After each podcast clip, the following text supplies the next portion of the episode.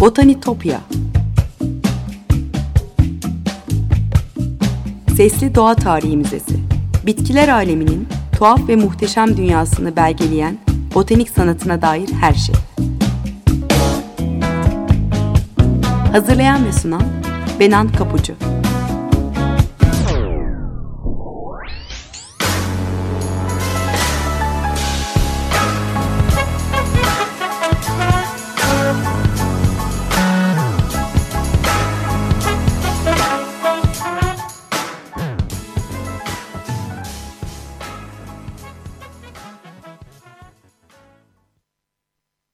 Merhaba sevgili Açık Radyo dinleyicileri. Botanitopya'ya, bitkiler aleminin tuhaf ve muhteşem dünyasına hoş geldiniz. Anlatıcınız ben Benan Kapucu. Botanitopya.gmail.com elektronik posta adresim. Aynı adlı Twitter ve Instagram hesaplarımda var biliyorsunuz. Buradan bana her zaman ulaşabilirsiniz. Ee, sevgili dinleyiciler bugün stüdyoda yalnız değilim. Çok değerli bir konuğum var e, İstanbul Üniversitesi Botanik Ana Bilim Dalı'ndan doçent doktor Mehmet Bona. Hoş geldiniz Mehmet Bey nasılsınız? Hoş bulduk merhabalar teşekkür ediyorum. Siz nasılsınız? İyiyim çok teşekkürler çok teşekkürler gelip vakit ayırdığınız için. Ama e, aslında bugün e, sizinle yeni çıkan e, çevirisini yaptığınız kitapla ilgili e, konuşacağız. E, harika bir kitap ben gelip sizin anlatmanızı istedim. E, Darwin'in en güzel bitkileri. E, Ginkgo Bilim yayınlarından çıkmış. E, elinize sağlık. Ben bir solukta okudum. E, e, yazar Ken Thompson e, çok akıcı bir dille yazmış. Siz de aynı akıcılıkla çevirmişsiniz. Teşekkür ediyorum. Gerçekten e, Ken Thompson hem bir botanikçi olması hem de bir bilim insanı olması e, sebebiyle zannediyorum. Bir de Darwin'e özel bir ilgisi var. E, okuduğunuz zaman da anlayacaksınız. Hı hı. Gerçekten hem akıcı yani bölümler içerisinde de kitabın bütünü içerisinde de bir akıcılık sağlamış. Ee, konuyu nasıl anlatacağını, hangi seviyede vermesi gerektiğini çok güzel örneklerle zaman zaman Darwin'den değil kendi şahsi tecrübelerinden de ekleyerek e, gerçekten akıcı e, ve bitkileri de Darwin'de hem ilgi hem sevgi uyandıracak şekilde anlattığı bir kitap Aslında olmuş. Aslında Darwin müthiş bir insan. Yani ilham verici bir deha gerçekten. O bitkileri olan hayranlığı da görüyoruz kitabı okurken. Şimdi ben zaman zaman Botanitopya'da bitkilerin hikayesini anlatırken zaten yolum kesişiyor Darwin'le. Özellikle e, Joseph Hooker'la olan yazışmaları. E, e, onunla işte bitkiliği nasıl gözlem yaptığını, nasıl merak ettiğini, e, şimdi kendi bilgisiyle yetinmiyor. Bunu Hooker'a da soruyor. E, o arasındaki mektuplaşma aslında bizim bize e, onun nasıl çalıştığına çok fikir veriyor. Ya bu anlamda çok özel. E, size şeyi de soracağım. Şimdi bu arada Ken Thompson da aslında e, bahçecilik bilimine meraklı bir bitki bilimci değil mi? Yazar. Onu da söylemek evet, evet. lazım. Bahçecilik, biyoçeşitlik ve istilacı türlere ilişkin çok sayıda kitabında yazarı. E, Darwin aslında bir botanikçi değil temelde. Ee, ama e, onu diğer bitki bilimcilerden daha öne çıkaran şey de e, olasılıkla e, yani Hooker'la olan e, iletişimi, vahçecilerle olan iletişimi e, ve her şey sıfır noktasından bakması olsa gerektiği düşünüyorum. Siz ne dersiniz? Ya tabii ki ona yani şey gibi çok kullanılan bir metafordur ya işte balık okyanusta yüzer ama okyanusu bilmez gibi. Bazen biz de öyle kaybolabiliyoruz bazı şeylerin içerisinde. Dolayısıyla bir şeye dışarıdan bakmanın ciddi bir avantajı olabiliyor. Tabii bu kimin baktığına bağlı olarak biraz değişebilir. Ama e, yani Darwin'e esas avantaj sağlayan şey çalışma metodu. Hı hı. Yani kitap zaten ben öyle ifade ediyorum. iki ayrı koldan gidiyor.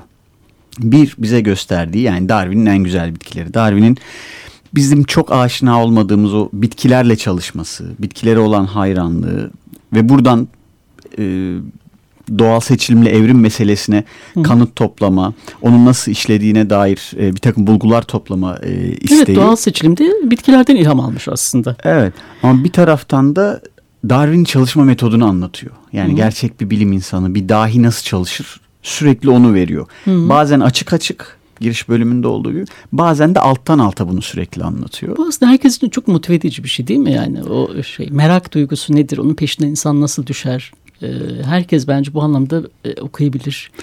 Üstelik çok e, akademik terimler de kullanmamış yazar. Bu anlamda çok avantaj. Yani herkesin kolaylıkla anlayabileceği türden e, bir ifadeler var içinde de. Evet yani kitabı yazarken e, ben çok takdir ettim. Yani hakikaten bir miktarda e, Ken Thompson'a hayranlık duymadım desem yalan olur. E, çünkü ciddi anlamda hiçbir botanik bilginizin olmadığını, hatta bilimle bile çok e, iç içe olmadığınızı varsayarak söylüyorum. Bu kitapta anlayamayacağınız hiçbir şey yok. Hı hı. İlginizi çekmeyecek hiçbir bölüm yok. Yani sadece okumaya bir miktar merakınız varsa bile bu kitabı bir solukta okursunuz. Ama kitabı okuduktan sonra büyük ihtimalle hem bitkilere hem de bilim dünyasına bir hayranlığınız, ilginiz uyanacaktır diye tahmin ediyorum. Ee, aslında e, sizin de uzmanlık alanınız bitki sistematiği değil mi? Evet. Ee, siz de farklı bir gözle hem akademisyen olarak da farklı bir gözle bakmışsınız diye, diye düşünüyorum. Hem çevirmen olarak akademisyen olmasının e, getirdiği avantajlar da var tabii ki. Öte yandan e, bu kitap size bu anlamda da e, bir şey katmış mıdır? E, hiç şüphe yok ki e, çok ciddi şeyler kazandım. Önce o kısmıyla başlayayım. Bir kere botanikçiyim, sistematik çalışıyorum ama bu kitabı çevirirken kendim daha önce bilmediği pek çok hı hı. enteresan bilgi edindim. E, ikincisi merak meselesi aslında bilimin temeli. Dolayısıyla Darwin yaptığı bütün çalışmalar bunun üstüne kuruluyor. Bir şeyi ispatlamak, bir şeyi e, göstermek için yapmıyor aslında çalışmasını. Bir şeyi merak ediyor. Hı hı. Dolayısıyla ama o merak onda bir tutkuya dönüştüğü için e, hiç yorulmaksızın o alanda kesintisiz çalışabildiği için ve bir şeyi bitirmeden bırakmadığı evet, için. Evet o inat değil mi? evet uzun soluklu çalışmalarının çok güzel eserleri ortaya çıkıyor. Ben e, okulda birkaç farklı ders veriyorum e, her bizde dönemlik dersler her iki dönem Hı. ayrı ayrı olmak üzere ve şu an kitabın içerisinden bazen açık açık bazen üstü örtülü pek çok örnek ve yaklaşım alıp kullanıyorum. Hı hı. E, o anlamda bir hoca olarak da çok faydasını gördüm. Bir botanikçi olarak e, gördüm. Bir bilim insanı olarak çok çok gördüm. Hı hı. Dolayısıyla e, kitabın okuyucusu hangi seviyede olursa olsun, ister hı hı. bir bilim insanı hı hı. olsun, ister bir öğrenci, ister sadece bitkileri merak eden e, ya da okumayı seven birisi olsun. Bunların her birinde e, çok ciddi hı hı. şeyler kazanacaktır diye tahmin Aa, ediyorum. Harika. Şimdi daha birinin en sevdiği bitkilerdir diyoruz. Ee, biraz onlarla ilgili fikir verelim. Hangi bitkilerden söz etmiş? Mesela e, tırmanıcı bitkiler var e, en sevdiği çuha çiçeklerin tozlaşması üzerine epeyce bir çalışmış. E, mesela Venüs sinek kapanına hayran. Yani onun e, avını yakalama sistematiği üzerine değil mi? Çok fikir var. E, nedir diğer bitkiler? Mesela şey Nepenthes o da ilginç. Ben de bir programda anlatmıştım Nepentes'e. Su ibriği, ibrik otları ya da diğer adıyla.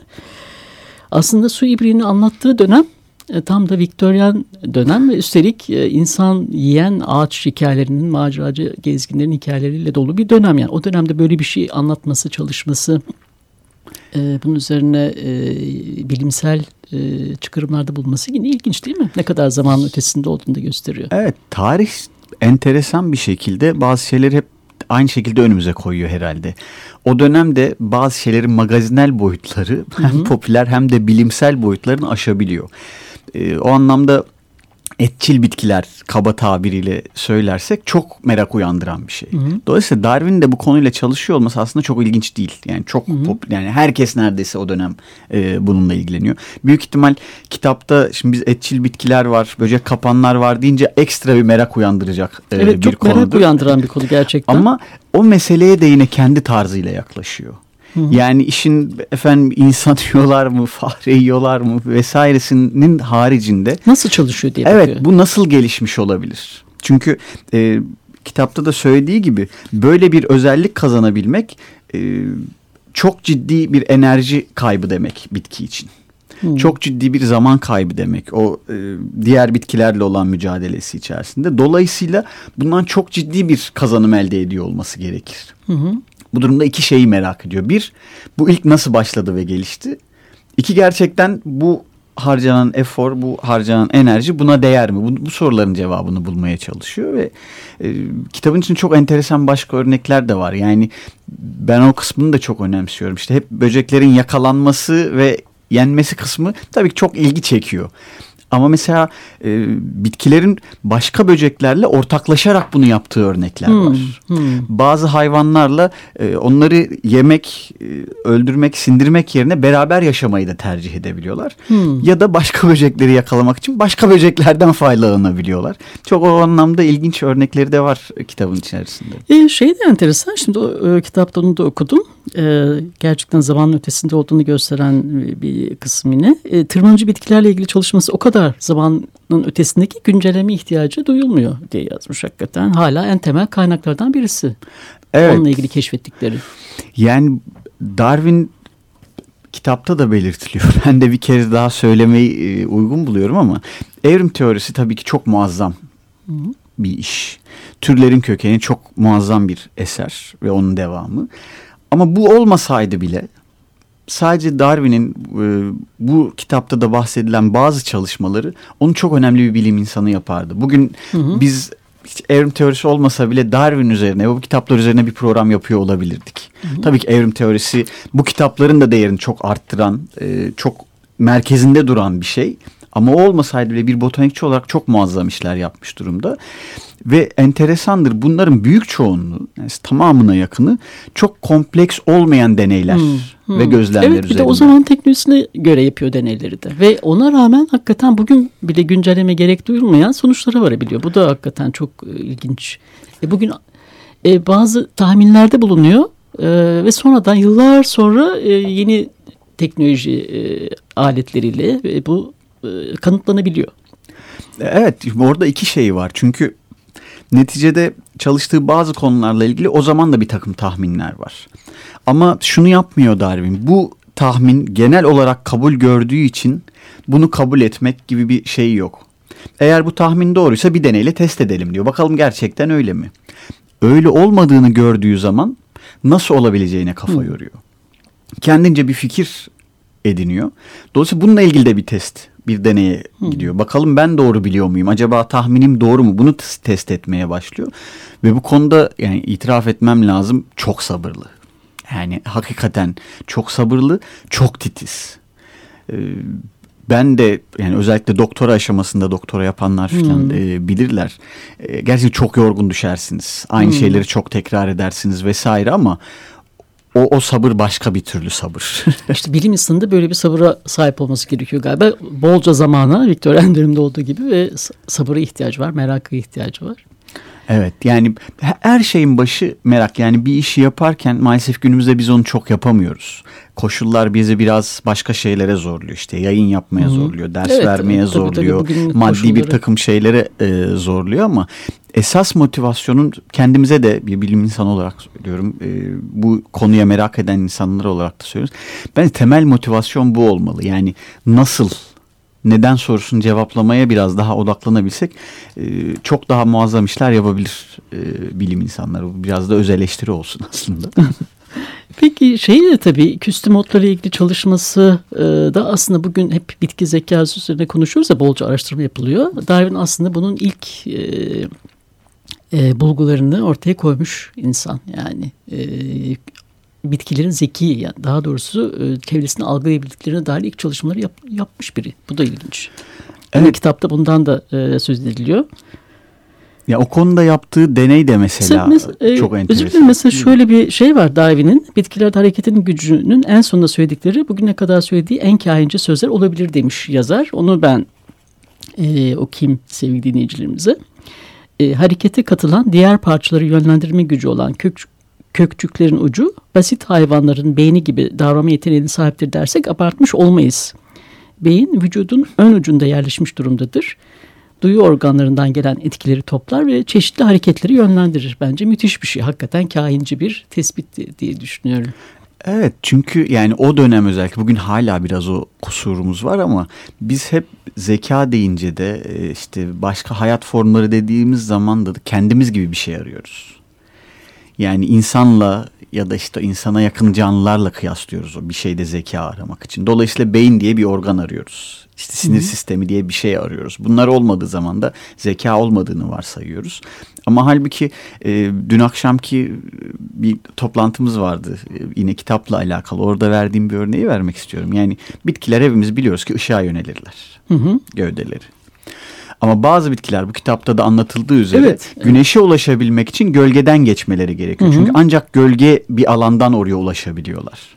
Ve bizim gibi görsel bir e, becerileri yok. Fakat bunu yapıyorlar. Hı hı. Bunu başarıyorlar ve bunun üzerine evrimleşmişler. Dolayısıyla şimdi buna neden zeka diyemiyoruz biz? Çünkü büyük ihtimalle konduramıyoruz. Hı hı. Hı. Oysa halbuki e, genel eğiliminin ve bütün fizyolojik yapınızın yatkın olduğu şey güneşe gitmekken Hı hı. sizi güneşe götürecek şeyin gölgeden geçtiğini bilmek çok muazzam bir şey bence. Evet bunu mesela Darwin eğer e, yanlış e, görmediysem şeyde anlatıyor. Bu yine tırmanıcı bitkilerde iğneler ve kancılar bölümünde anlatıyor. Ee, diyor ki işte bariz bir şekilde kendilerine bir desteği iğneler ve kancılar yardımıyla tutturan karışık, karışık tırmacıların tırmacılar dünyasında zayıf bir ilişkisi olduğunu düşün, düşünmüyordu diyor. Ya orada aslında bu e, bitkilerin e, sizin bahsettiğiniz e, şekilde nasıl hareket ettiğini anlatıyor ki o dönemde aslında çok basit bir şey var değil mi? Bitkilerin hareketiyle ilgili işte yer çekimine göre doğru gidiyor. Aşağı ve yukarı hareket ona göre hesaplıyor. Yer çekimi nedeniyle aşağı doğru gidiyor diyor. Ya da işte ışık onu daha çok olgunlaştırdığı için yukarı doğru gidiyordu. Yani öyle basit bir düşünceden e, tamamen aslında bitkilerin stratejik davrandığına dair bir noktaya geliyor. Evet yani büyüme meselesiyle ilişkilendiriyorlar hareketi. Hı hı. Genel bakış açısı bu. Fakat tabii hareketin hızını gördüğünüz zaman e, orada çok enteresan örnekler var. Bitkide hareketin hızıyla alakalı. Bu kadar hızlı bir hareket büyümeyle alakalı olamaz diyor. Hı. Ee, çünkü hakikaten büyüme dediğimiz şey göreceli de olsa zaman alan bir şey. Fakat e, kitapta da göreceğiniz üzere bazı o kadar hızlı hareketler var ki yani bir insana uygulasak o ivmede bir hareketi büyük ihtimalle kemiklerimiz kırılır. Hmm. Dolayısıyla bu nasıl büyümeyle alakalı olabilir sorusuyla başlayıp her zaman olduğu gibi gene bir takım deneyler ve gözlemlerle e, kendi teorilerini ortaya koymaya başlıyor. Şey de ilginç mesela tırmanıcı bitkilerin aslında belli bir e, büyüklüğe belli oranda büyüklüğe sarılabileceğini söylüyor. Yani çok geniş olduğu zaman o hareketi tekrarlayamadığında öyle bir tespite de varıyor. Evet orada mesela yine Darwin özgü çalışma tarzında bir başka örnek görüyoruz. Sabrın ve sürekli deneyin dışında bu alanda ciddi gözlemler yapıyor. Fakat şunun da farkında kendisi bir doğa bilimcisi. Dolayısıyla botanikle ilgili e, bilgileri ve gözlemleri pür botanikçi olanlara göre tabii ki daha sınırlı.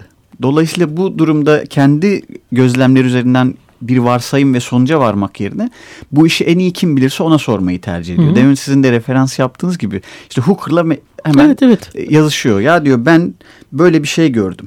Hı hı. Benim gördüğüm kadarıyla bu belli bir çapı geçemiyorlar. Ama sen hem daha fazla bitki görmüş bir insansın hem de kendisi aynı zamanda Q Kraliyet Botanik Bahçesi'nin e, şeyi hem de kaşif aynı zamanda. Aynı zamanda kaşif. Evet, Dolayısıyla sen çok Hı. daha fazla şey görmüşsündür. Sizde durum nasıl diye ona soruyor son bir Hı. karar vermeden önce. O, o çok önemli bir şey.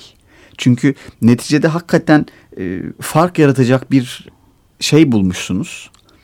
Bunu bir başkasına sormasanız bütün şey sizde kalır. Ya da karşı taraftan bunu çürütecek bir şey gelmezse ne kadar güzel. Hı hı. Yani kişisel tatmin anlamında. Ama onun derdi bu değil. Onun derdi gerçekten böyle olup olmadığını öğrenmek. İstisnası varsa bunu öğrenmek. Ee, o yüzden de hiç çekinmiyor o tür konularda. Zaten e, kendi zamanda botanikle ilgili herkesle iletişim içinde. Yani hem e, aynı zamanda bir bitki kaşif olan Joseph Hooker'la iletişim içinde. Kaşiflerle yani hatta sipariş veriyor, şey de istiyor, tohum istiyor, işte kurutulmuş örnek istiyor.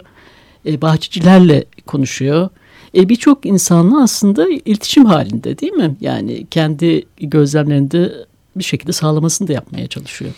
Evet o konuda yani sadece botanikçilerle değil kiminle hangi alanda çalışıyorsa eğer e, mutlaka o konuyla ilgili yakından çalışan birileriyle temas kurmaya çalışıyor. Onların fikirlerini almaya çalışıyor. E, bu fikirlerin bazıları biraz tabii e, hoş olmayan fikirler de olabiliyor. E, zaman zaman e, hmm. Darwin'i botanikçi olmadığı için, botanik alanında iş yaptığı için e, küçümseyenler de oluyorlar.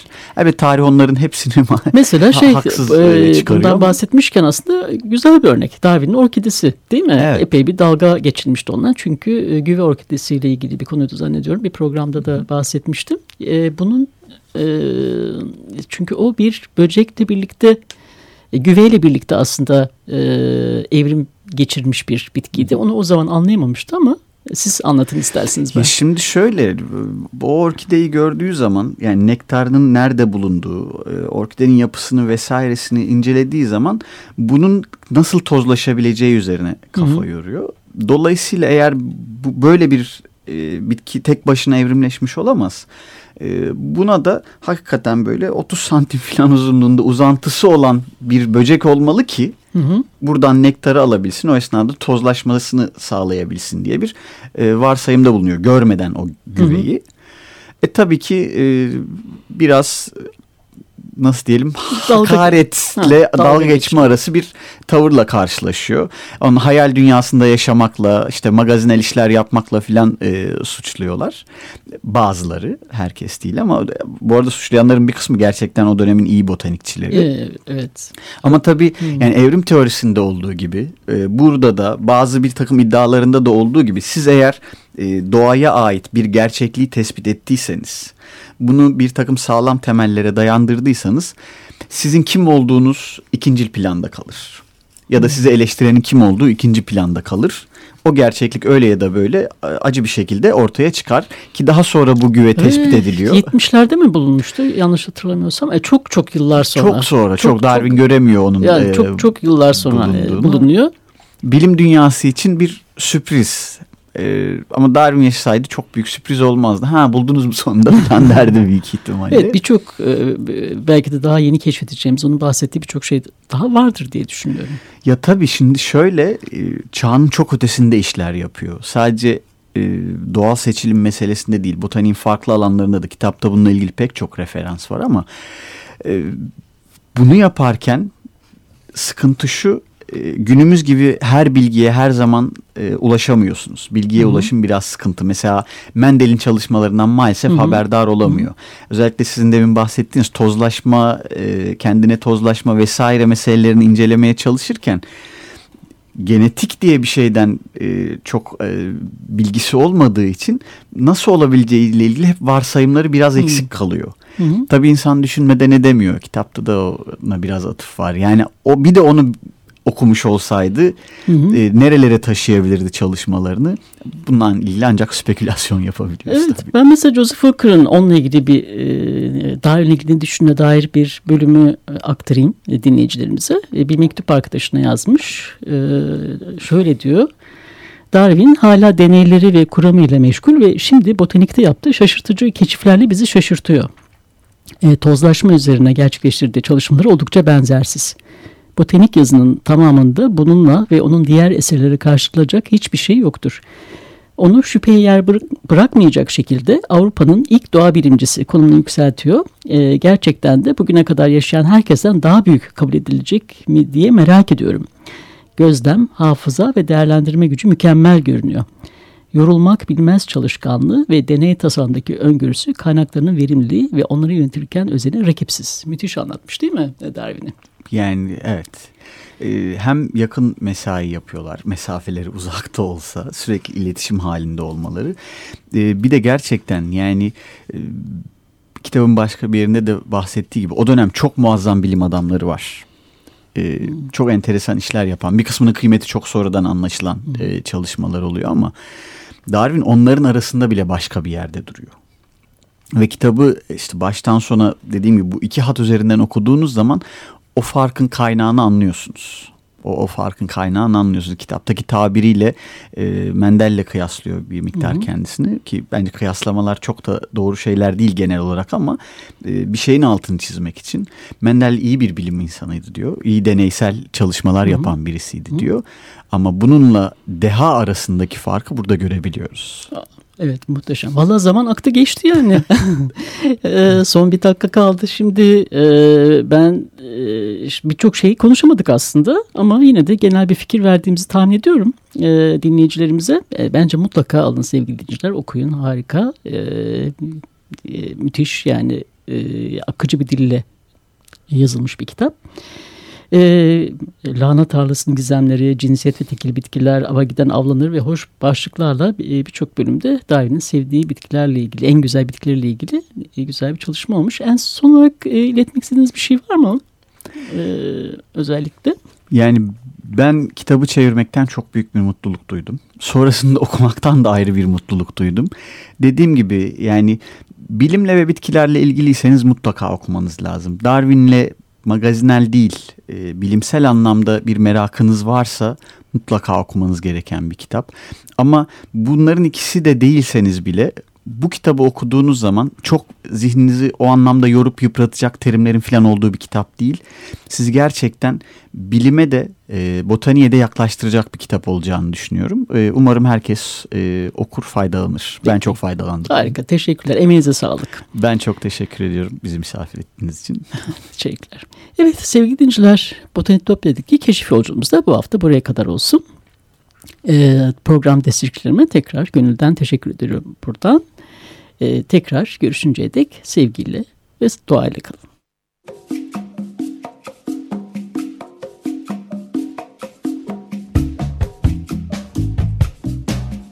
Botanitopya